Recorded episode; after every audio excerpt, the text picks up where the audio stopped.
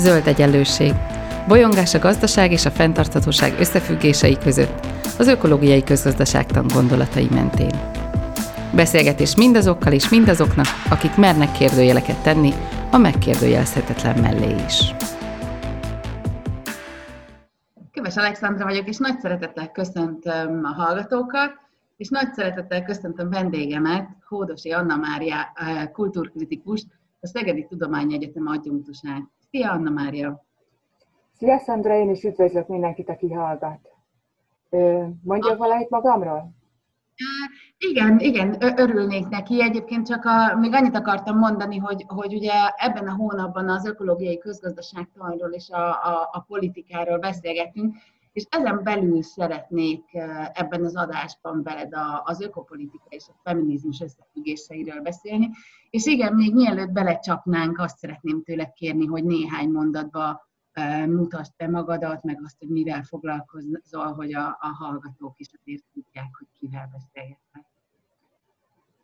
Nos, a Szegedi Tudományegyetemén a vizuális kultúra és irodalom tanszéken tanítok, és van egy kurzusom is egyébként, ökoszínekritika, ahol filmek elemzésével foglalkozunk ilyen szempontból, aminek az apropója persze az, hogy írtam egy könyvet is erről a témáról, tehát ahol ilyen környezeti problematika, természethez való viszony és a, a filmek kapcsolata volt elemezgetve, és azóta is azért határozottan ilyen típusú témákkal foglalkozunk, tehát ilyen eszék, tanulmányok területén is. Szóval ez a kutatási területem újabban. Köszönöm szépen. Az előző adásunkban az ökopolitika és a kommunizmus viszonyáról beszélgettünk Gagyi Ágnessel, és ebben a, a, a beszélgetésben hát nyilván átsejlett az, hogy a, a környezetünk tönkretétele és a kiszolgáltatott társadalmi csoportok kizsákmányolása valójában egy tőről fakad.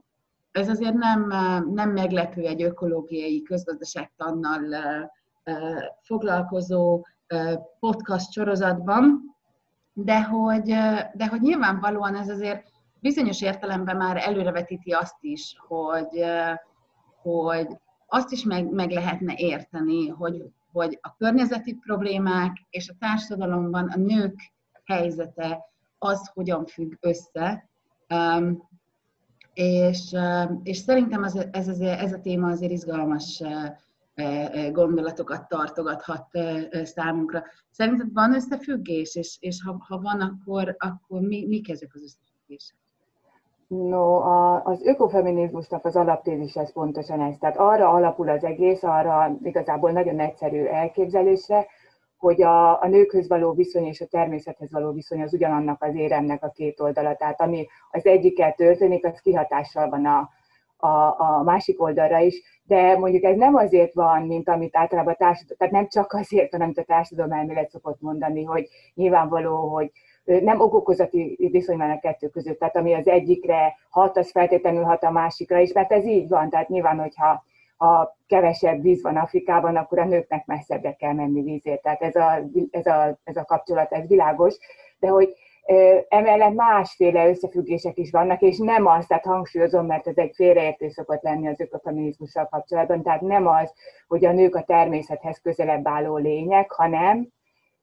egy kis változtatással. Van egy olyan évezredes koncepció, hogy a nők a természethez közelebb álló lények, és mivel ez az asszociáció, asszociáció nagyon régi és nagyon ősi, ezért ez meghatározza a gondolkodásunkat, kihat a társadalmi viszonyokra, kihat az intézményrendszerünkre máig. Tehát még akkor is, hogyha ezt nem ismerjük el, vagy akár letagadjuk, akkor is ott van ez az elképzelés, és ennek az alapja pedig szintén egy nagyon egyszerű képzet, tehát ez egy ilyen ősi analógia a föld és a nő között, hogy a nő az olyasmi, mint a föld, amiben ha magot vetnek, akkor terem. Na most ebből a koncepcióból következik, ugye, hogy a férfi az a magvető szerepében van, és ebből pedig következik az, hogy akkor a férfi meg a nő az valahogy úgy viszonyul egymáshoz, mint a föld a földművelőhöz, a természet a kultúrához, vagy a test a szellemhez, és hogyha belegondolunk, hogy ennek azért milyen nagyon meghatározó tradíciói vannak a nyugati kultúrában, azért ez már másokat jelent.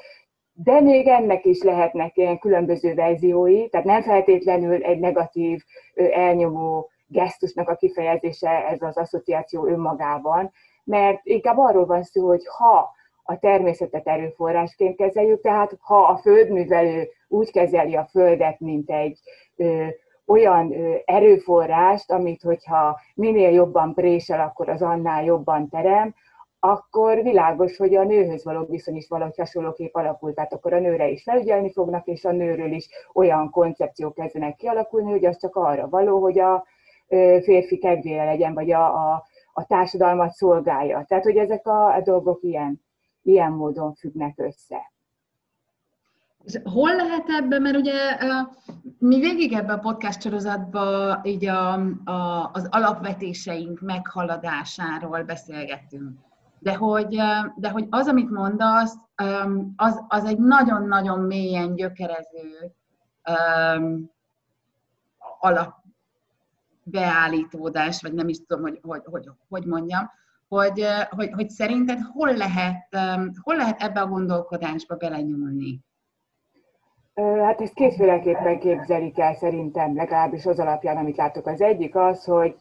ugye ez egy nagyon ősi, primitív képzet, amit egyszerűen meg kell haladni, végül is meg is haladtuk, tehát amióta természettudományos módon gondolkodunk, és nem ilyen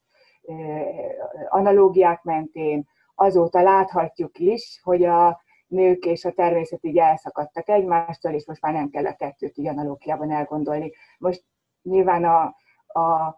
a kapitalizmusnak a feminista kritikája nem annyira gondolja azt, hogy a, a nő a kapitalizmusban valóban felszabadult és elszakadt a koncepciótól. Tehát nem az, a másik megoldás az nem az lenne, hogy, hogy ezt elvetjük, ezt a, ezt a primitív analógiát, hanem mondjuk az lenne, hogy másképp képzeljük el. Tehát, hogy oké, okay, legyen az, hogy, hogy a nő és a férfi az olyan, de tényleg csak metaforikusan, mint a, mint a természet és a kultúra, de miért kellene ezeknek antagonizmusban léteznie? Tehát, hogy miért ne képzeljük el úgy, hogy, hogy a kettő alkalmazkodik egymáshoz, vagyis éppen egymásból eredeztetik egymást, tehát nem tudják elképzelni tényleg egyik a másik nélkül a, a létezését. Tehát, hogy valamiféle adaptív viszonyt képzelnek el a kettő között, és akkor nem az analógiát kell elvetni, hanem inkább tényleg valaha például a gyűjtögető társadalmakban létező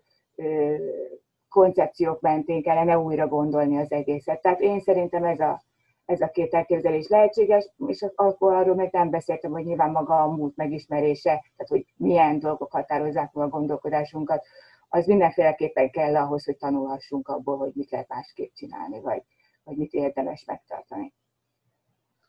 Behoztad már e, ebbe a beszélgetésbe most a, így a kapitalizmus kérdését, és ugye az ökológiai közgazdaságtan az, az megkérdőjelezi a mindenek felett fontosnak tartott gazdasági növekedés központiságát, egyébként az ökológiai környezet erőforrásainak korlátossága miatt. Ugyanakkor sokan arra is rámutatnak, hogy a, a gazdasági növekedés ez nem csak az erőforrásokat használja túl, hanem a mostani, mostani növekedés, az a fajta növekedés, amit most állunk, amit most látunk magunk körül,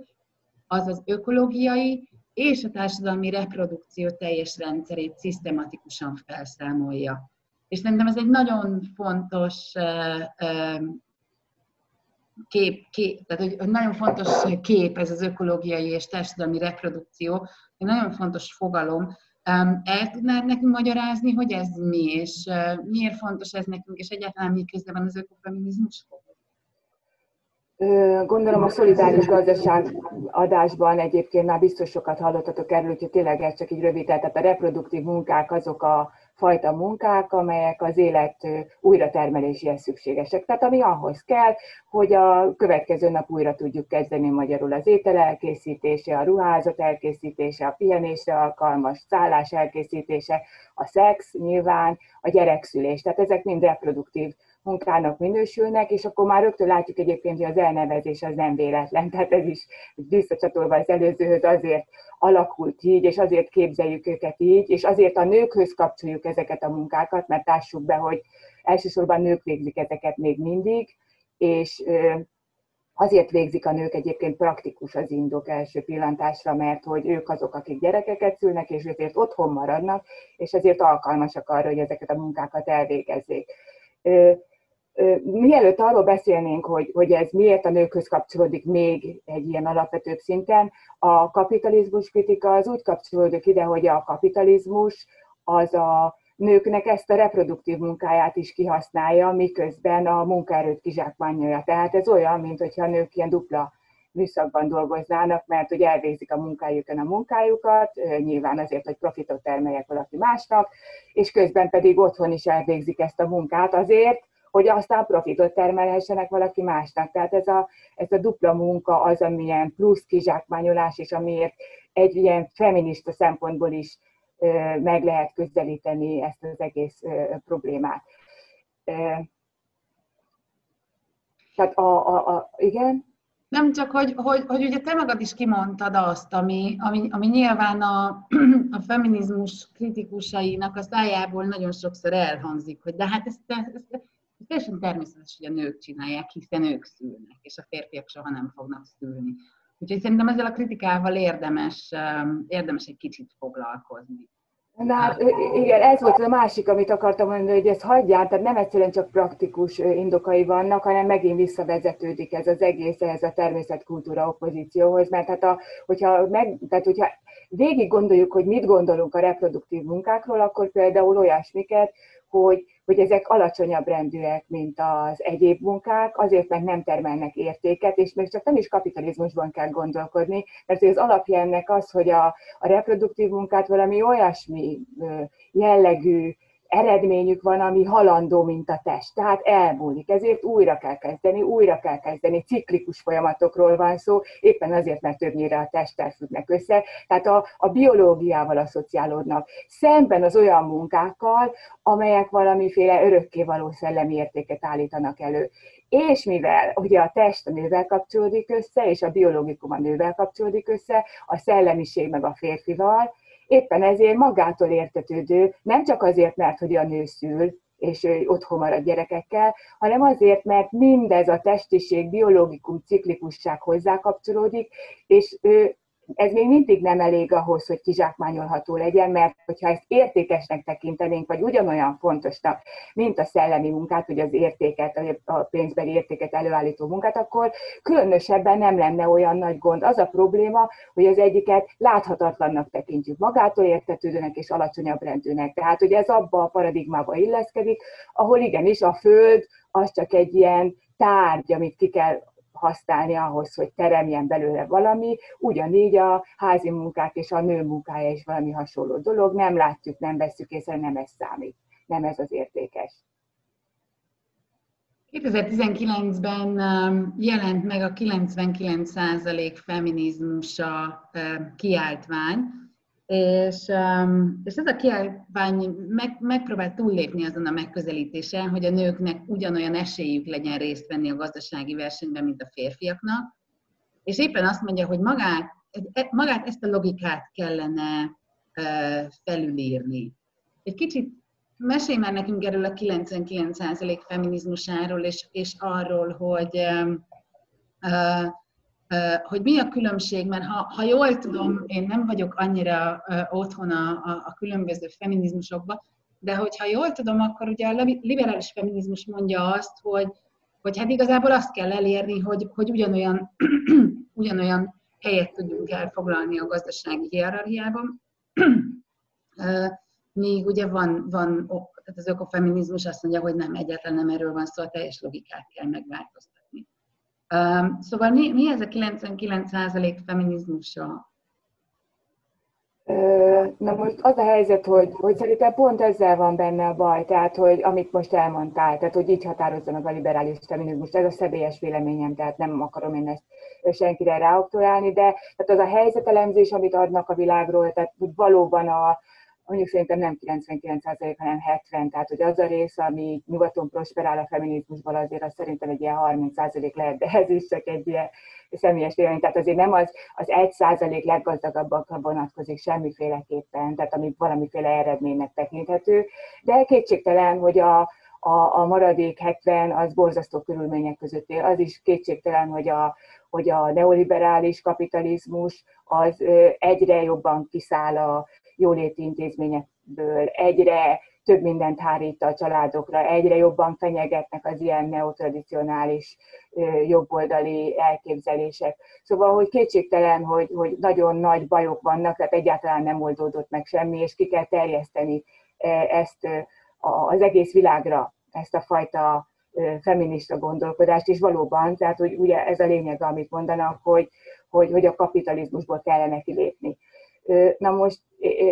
az összes bűnt ez a, ez a manifestó, ez a liberális feminizmusra hárítja, és ahogy most elmondtad, hogy ez micsoda, tehát szerintem ez nem igaz. Tehát például kezdjük ott, hogy,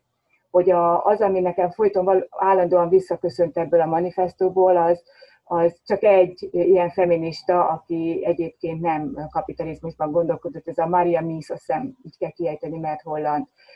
feminista kritikus, 85-ben írt egy olyan könyvet, ami annyira hasonlít elveiben ehhez a manifestóhoz, hogy nekem a fejemben tényleg össze is keveredik. Biztos szét lehetne szálazni, hogy melyik kapcsolódik ide, melyik oda, de nekem alig-alig megy. És például az ő központi elképzelése is ez a liberalizmus kritika 85-ben, tehát hogy nem, az 85-ben kritizálta ugyanúgy a liberális feminizmust, illetve a feminizmus bizonyos irányzatait, mint ahogy, ahogy most ez a manifestó teszi. De közben én meg azt gondolom, hogy még Misznek sem volt igaza, mert hogy én ugyan nem a mozgalmi feminizmusban vagyok járatos, ezt meg kell mondjam őszintén. Tehát én alapvetően a feminizmussal, mint irodalomkritikával ismertettem meg, tehát mint kritikai irányzattal, és hát azért a irodalomkritikai irányzattól ugye nem várható, hogy különösebben ilyen aktivista jellegű legyen, vagy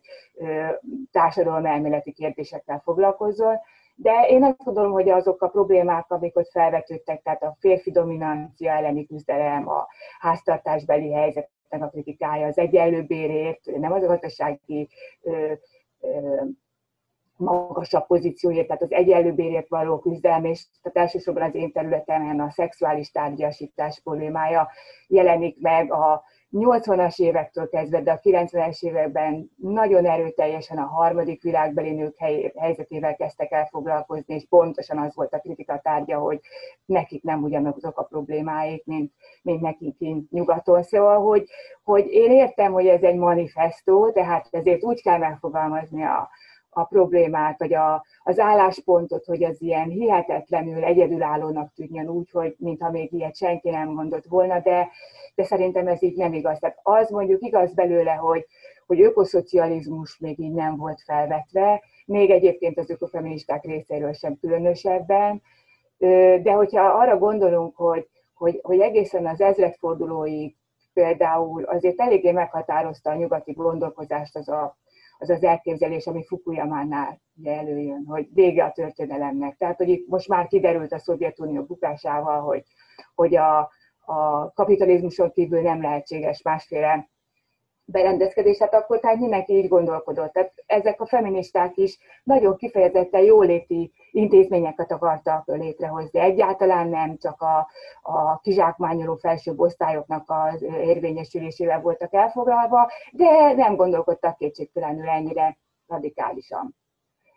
Egyébként azt azért még hozzáteszem, tehát hogyha még nem is a liberális feminizmus itt a feltétlenül a bűnös, vagy a démonizálható valami, hogy azért abban van igazság, hogy a, és ez nekem is egy ilyen veszőparipám volt a könyvben is, és máshol is, hogy, hogy a feminizmus az sokáig ilyen, ilyen ellenségképet látott a természetben, pont amiatt, ami, ami, amiről az előbbiekben beszéltünk. Tehát, hogyha a gyerekszülés és az otthoni kötelességek az, ami nem engedi az, a nőket érvényesül, nem feltétlenül a gazdaságban, tehát bármiféle szempontból. Tehát a, ez biztosítja a dominanciát, tehát ezt teszi szükségszerűvé, hogy alá legyen rendelve, akkor úgy két, tehát ilyen magától értetődőnek tűnik, hogy az egyik megoldás, hogy, hogy ezektől a természeti kötöttségektől szabaduljunk meg. Például kitalálták a cumis üveget, meg a cumit, nem kell már a gyerekkel otthon lenni éjjel-nappal, a mesterséges méh az egy ilyen abszolút feminista kérdés volt a 70-es években tényleg, tehát hogy voltak ilyen elképzeléseik, hogy ez volna a módja annak, hogy, hogy a nők helyzetét valahogy jobbá tegyék. Ez, ez igaz, de szerintem ezek tényleg abból a korlátolt szem, tehát hogy helyzetből következtek, ami akkor még olyan nagyon magától értetődőnek tűnt,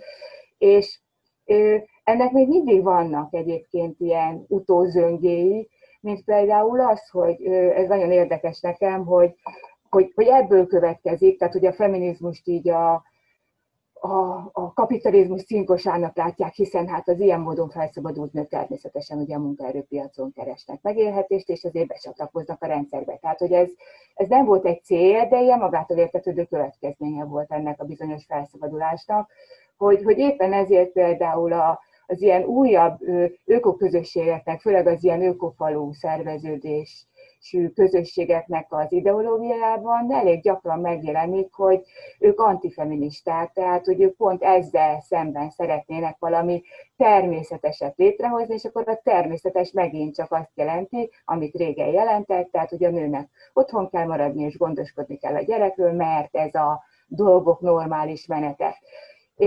Na hát és hát szerencsére azok a filmek, amivel én foglalkozom, azok erről a elképzelésről általában eléggé borzasztó képet festenek, tehát például a, a szolgáló lány meséje, az pont egy ilyen fajta, ugye nem ökofalu, de egy olyan társadalmat vizionál, ahol pont azt gondolják megoldásnak a, az ökológiai válságra, hogy akkor a nőket kellene egy kicsit keményebben fogni, és valahogy a társadalmat ezeknek a hagyományos elképzeléseknek a mentén berendezni. Szerintem Jó, hát ilyen... szerencsére ez egy disztópia. Tehát, igen, igen, több ilyen van, mint... Egyértelműen annak is állítja be magát. De hál' Istennek felveti, hogy ez nem valószínű, hogy egy megfelelő megoldás volna a helyzet kezelésére. Szóval visszatérve ehhez a manifestóhoz, én azt gondolom, hogy egy csomó csúsztatás van benne, és ráadásul meg még ami az eredményét illeti, de tényleg kétségeim vannak, hogy, hogy bármennyire is helyes, vagy megfelelő az a kép, amit ennek a 99%-nak a helyzetéről fest, én nem gondolom, hogy, hogy ö, ö, ezek tényleg egy célközönsége lehetne ennek a manifestónak. Nem olyan régen olvastam a, a Narancsban egy cikket, lehet, hogy másút egyébként, tehát erre most a fejemet nem tenném, ahol a görögországi menekült táborokról festett egy ilyen elborzasztó képet a szerző, és egyetlen olyan ember volt itt a táborokban, aki valamit akart kezdeni az életével, tehát hogy valamit próbált valami kiutat keresni ebből a helyzetből, és én azt kell mondjam, hogy természetesen neki Bill Gates és Elon Musk volt a példaképe. Tehát, hogy, hogy szerintem a 99%-nak a 80%-a inkább ilyen módon keresni a boldogulást, és nem pedig egy ökoszocialista vízióban, attól tartok. Azok a fiataloknak, akikkel én vagyok körülvéve, tehát akik tényleg ebből a burokból származnak, ami tényleg mondom nem egy százalék szerintem, hanem 30, én azt látom, hogy ő nekik meg annyira különböznek a problémáik ettől a 99%-tól, amit le van festve ebbe a könyvben, hogy, hogy tényleg olyan, mint hogyha két alternatíva közül választhatnának, egyébként ez is szépen, nagyon szépen ki van fejtve ebben az írásban, az a jobboldali populizmus, ugye az anti-gender elképzeléseivel, meg a, a szexuális felszabadulása a másik oldalon, amiről szintén bizonyítja egyébként ez a manifest, hogy ugyanúgy a, a kapitalizmus terméke egy fogyasztói piacra elkészített, preparált rendszer, és valójában a felszabadulás, a diverzitás ügyén ebbe a fogyasztói rendszerbe való becsatlakozást próbálja elérni. Tehát én azt látom, hogy és akkor hol, hol van az a 99 aki, aki ennek a szellemisége szerint cselekedne, tehát ott nem látom azokat a, azt a nagy tömeget, ami felsorakozhatna mögé. A, a 99% szerintem egy kicsit arról is szól, hogy hogy azt próbálja alátámasztani, hogy a nőkben hihetetlen politikai potenciál van. És hogy ez, ez, ez talán csak most kezd utat törni magának. Mit gondolsz erről a potenciáról, és mit gondolsz erről a potenciáról egy olyan társadalmi transformáció érdekébe, ami mondjuk egy ilyen igazságosabb társadalomhoz és, és, és fenntartható környezethez vezetne? Hát ha jól értem, akkor itt valami olyasmi volna a projekt, hogy a, hogy a, a nőket feministává tenni, és a feministákat meg az ökoszocializmus hívévé tenni, vagy legalábbis egy ilyen szolidáris gazdaság hívévé tenni, ami ami szerintem tök jó. Az előbb mondtam, hogy szerintem miért nem tudja igazából megszólítani a nagy tömeg, legalábbis itt nálunk a nagy tömegeket, de akkor még ott van a férfiak potenciája, tehát hogy inkább azt látom valójában, hogy, hogy a zöld mozgalmakban így is több a nő. Hogy, hogy, hogy igazából lehet, hogy férfiakat kellene valahogy meggyőzni arról, hogy, hogy ők is tartsák ezeket a feminista elveket követendőnek, vagy pedig másképp, igen, lehet, hogy inkább így gondolom, hogy másképp kellene a nőkre hatni, meg a férfiakra hatni. Nyilván különböző problémáik vannak, különböző történelmi, gazdasági háttérükből adódóan, és ezért különböző dolgok azok, amikről azt gondolják, hogy, hogy hú, ebbe tényleg van valami. Tehát nem feltétlenül az igazság, hanem a személyes érdekek, meg, a, meg az egyéni problémák azok, amelyek valakit becsatornázhatnak egy ilyen másféle gondolkozásba ahogy azt mondtad, hogy másként kéne rájuk hatni, én azt látom, hogy egyébként a kapitalista nagyvállalatok ezeket, ezt, ezt például már tökéletesen fel, felismerték. Tehát, tehát például a fogyasztói társadalom zöldre festési törekvései, azok nagyon nagy mértékben a nőket próbálják meg, megfogni. Tehát ha, ha körülnézzünk, akkor, akkor azok az iparágak próbálnak leginkább zöldnek látszani, ahol, ahol az elsődleges fogyasztói célcsoport a nő. És, és én hallottam egy, egy konferencián feministákat arról beszélni, hogy, hogy, hogy ez, ez mennyire visszás amiatt is, hogy a zöldítés középpontjába olyan kényelmi funkciók elvesztését állítják ezek a cégek, amik, amik megint csak a nők helyzetét hozzák újra nehezebb helyzetbe. Tehát, hogy, hogy például ugye a pelenkázás, vagy a, az egészségügyi betétek kérdésköre, vagy szóval egy, egy, egy csomó minden, vagy, vagy tehát hogyha a zöldítésről gondolkodunk, vagy zöld termékekről, akkor ugye ilyen kifejezetten reproduktív munkák jutnak az eszünkbe, vagy az ahhoz szükséges tárgyak jutnak az eszünkbe.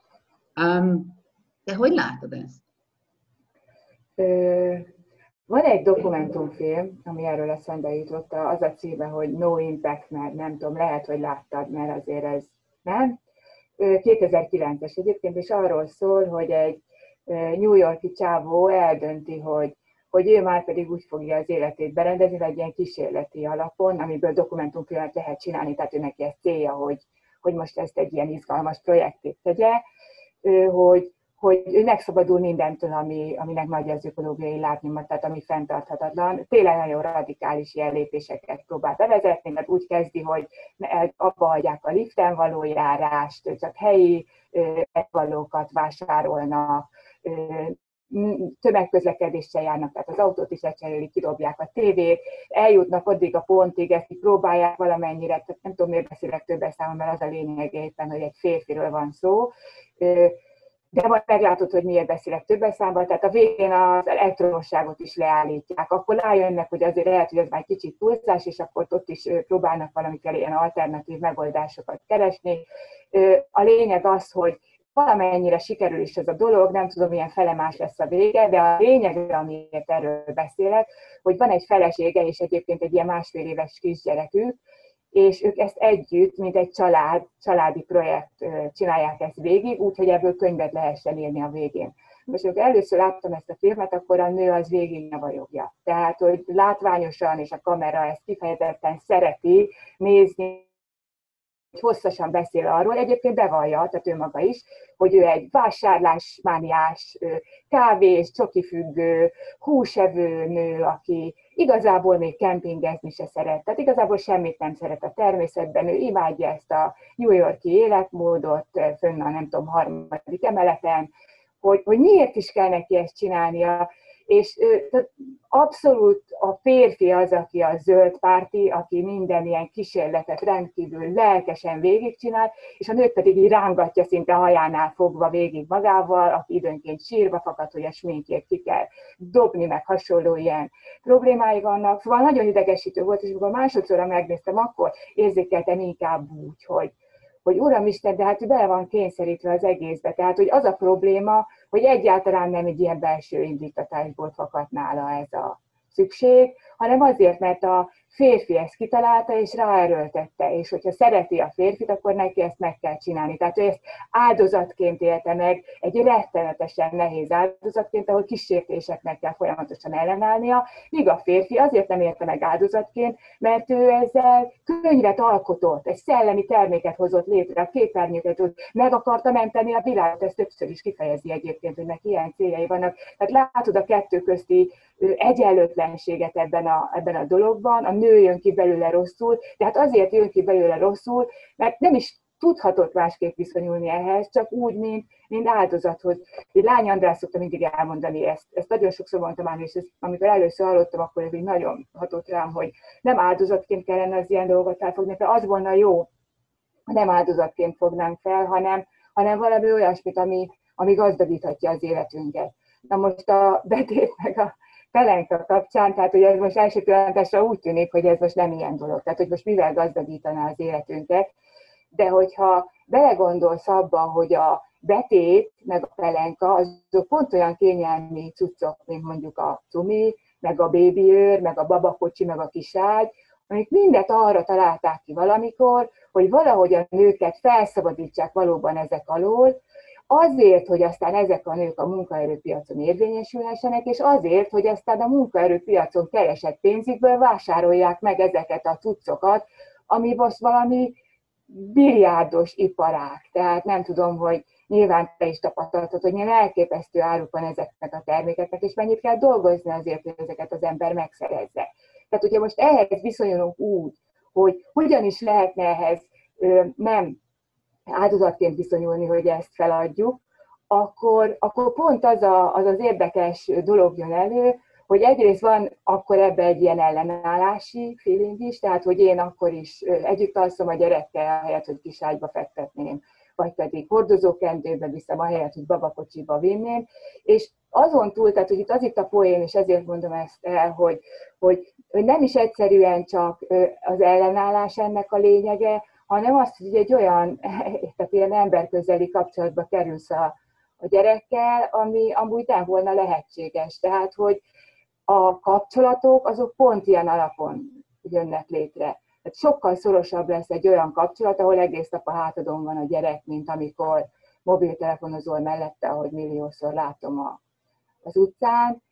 amikor a gyerek a gyerekkocsiból ugye bámulja az eget, ezt régen már régóta kritizálják antropológusok egyébként, hogy ez milyen következményekkel jár, hogy a gyerek az eget bámulja, amikor az anyuka beszélget, de ez még egy jó helyzet ahhoz hogy legalább hangot hall és beszélget és kommunikációt hall a gyerek, de amikor az anyuka már nem is beszélget, hanem csak a mobilját nézi, akkor aztán tényleg ott marad a gyerek egyedül az éggel, nem? Tehát, hogy, hogy ez szerintem egy, egy katasztrofális szituáció, és antropológusok mutatták ugye be, hogy, hogy hagyományos társadalmakban, amikor cipelik a hátukon a gyereket, akkor a gyerek ugyanazt látja, mint amit az anyuka. Szinte beszélget azokkal, akikkel az anyuka interakcióba lép. Szinte csinálja vele együtt azokat a dolgokat, amiket az anyuka is csinál. Tehát egy sokkal inkább társadalomba, egy, egy, egy élő kapcsolatrendszerbe való betagozódás segít egy, egy ilyenfajta felváltása ezeknek a fogyasztói termékeknek, és ez, ez tényleg, tehát ez nem feltétlenül jár azzal, hogy mondjuk az anyukát ez, ez a privát szférába bekényszerítse, csak akkor, hogyha ez a privát szféra és a publikus szféra különállása megmarad. Tehát, hogy tényleg ez a szolidáris gazdaság, ami számomra egy rettenetesen érdekes, és, és én, én most per pillanat persze váltogatom az elképzeléseimet, attól függően, hogy mit olvasok. Ez a szolidáris gazdaság koncepció, ez nagyon tetszik. Hát itt nyilván a privát szférán való beszorulást fel lehetne váltani azzal, hogyha mondjuk a nagy család valakinek nem tetszik, mert, mert valamiért nem tetszik, hogy, hogy valami választáson alapuló közösség jöjjön létre, amelyik segít ezekben a dolgokban, segít megoldani. Nem kell otthon lenni állandóan, mert rá lehet bízni a gyerekeket olyanra, akik, akikben megbízunk, akik szintén beszélgetnek vele, és a többi, és a többi. Szóval ezzel azt akarom mondani, hogy, hogy igen, ezek, ezek, ezek jó, mint hogy betét pelenka, tehát ezek jó dolgok, de lehet, hogy még jobb lenne, hogyha ha ezeket feladnánk, és, és nem csak azért, mert akkor annak kisebb lenne az ökológiai lábnyoma, hanem tényleg egy ilyen másféle társadalom felépítéséhez vezethet. És ez a másféle társadalom, ugye azt látjuk, hogy, hogy igazából női vezetők viszik a pálmát akkor, amikor ilyen, ilyen társadalmi és környezeti társadalmi innovációk vannak politikai szinten. Tehát ők azok, akik azért felmernek új irányzatokat vállalni. Gondolok itt mondjuk Jacinda Ardernről, új-zélandi miniszterelnökéről, vagy, vagy Nicola Sturgeon, Skócia első emberére. De hát azért mondjuk, mondjuk itt lett Alexandra Ocasio-Cortez, aki ugye a, a, a, a Green New Deal-nek a, um, mögé állt, vagy, vagy, vagy ő talán a, a motorja, és, um,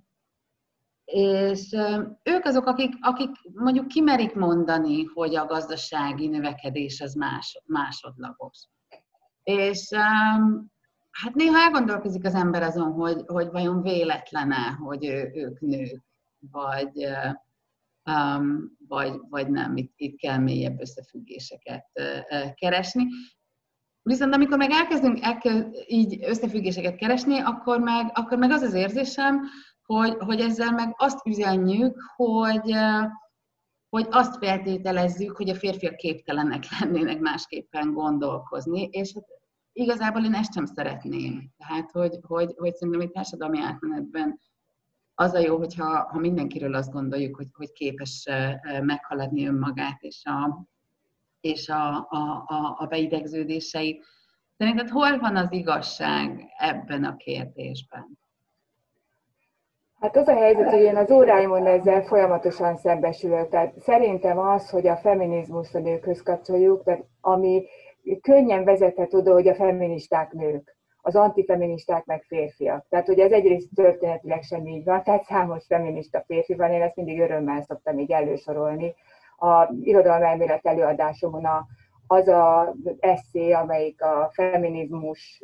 problematikáját tárgyalja, az például férfi írta. Tehát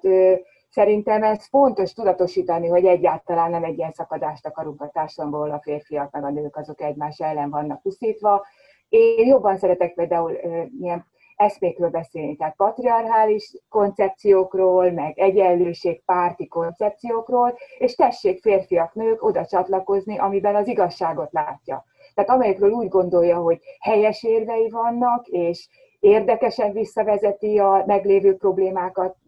történeti gyökerekre, kulturális koncepciókra, tehát hogyha meg lehet őket győzni, hogyha mondjuk nem olyan neveltetésben részesültek, hogy ne lehessen őket meggyőzni, mert nyilván ez is a a dolog része, akkor, akkor tényleg én azt látom, hogy ugyanakkor a számban csatlakozhatnak férfiak a feminizmushoz, és ugyanolyan sok lányt is látok egyébként, akik ilyen antifeminista elveket vallanak, és ők azok, akik a leghangosabban hangoztatnak ilyen anti-gender elképzeléseket. Szóval ez, ez egyrészt én azért gondolom így, mert hogy én ezt gondolom a valós helyzetet tükröző dolognak, másrészt pedig mondjuk nem olyan, hogyha azt mondjuk, hogy, hogy a, a, a férfiak azok, akik antifeministák, hogy ez nem valamiféle ilyen kollektív bűnösséget feltételez, tehát hogy ami ráadásul ugye én alapkoncepció végig a, a, az ökopolitikában, hogy, hogy az antropocén ugye azért problémás fogalom, mert nem minden ember felelős a, a, a klímaválságért. Az ökofeministák még korábban mondták, hogy az ökofeminizmus, mármint hogy a, az emberiségnek a bűnössége meg azért problémás, mert ők nők nem tehetnek arról, hogy hogy a természetet kizsákmányolják, hiszen ők is ennek áldozatai. Tehát ez még egy ilyen korábbi elképzelés hogy Mind a kettőben az volt a kritika tárgya, hogy ilyen kollektíve kiterjesztik ezt a bűnösséget mindenkire. Na most tényleg ugyanez lenne a helyzet, hogyha mi azt mondanánk, nem, hogy a férfiak a felelősek a, a, a, a, tehát mindenféle ilyen antifeminista meggondolásért, és a nők azok, akik mindenféleképpen haladók. Nyilván több érdekük fűződik ahhoz, hogy leszámoljanak olyan rendszerekkel, ami, ami őket elnyomja. Ez világos. Ő arról kellene a férfiakat meggyőzni, hogy lehet, hogy őnekik is érdekük fűződhet ahhoz, hogy ezeket a rendszereket megváltoztassuk. Nagyon gyakran hallom például ilyen feminista kurzusokon, amikor a fiúk elkezdenek morogni, hogy, hogy nekik is ugyanolyan rossz, mert hogy nekik kell keresni a pénzt, mert hogy nekik kell, rájuk mennyiféle teher nehezedik, hogy a férfiak hamarabb halnak ezek miatt a, a stresszfaktorok miatt, és a többi, és a többi. Ilyenkor én érdemesnek, nem tudom, hogy meg tudok erről győzni bárkit is, de tényleg szívből az a koncepció, hogy a rendszer problémás, és a rendszer ugyanolyan módon terheli a férfiakat és a nőket. Lehet, hogy a nőket egy kicsit jobban, tehát jó, tegyük ezt hozzá, de, de, de hogyha ezt a férfiakra hárítjuk, akkor ez csak sértődést és ellenállás szül, az pedig senkinek nem lesz jó. Én nagyon szépen köszönöm neked ezt a, ezt a beszélgetést. Én is nagyon sokat kaptam tőle. Remélem a hallgatók is így érzik. Köszönöm, Anna Mária. December... Én is köszönöm, hogy meghívtál. Decemberben a vallások szerepét fogjuk vizsgálni a fenntarthatóság megteremtésében. Hallgassatok bennünket decemberben is. Ez volt az Új Egyenlőség zöld podcastjának mai adása. Hallgassátok az Új Egyenlőség piros podcastot is. Nézzétek a stúdióbeszélgetéseket a YouTube csatornákon, és olvassátok a www.újegyenlőség.hu-t. Vitatkozzatok velünk a Facebook oldalunkon. Jövő héten újra találkozunk.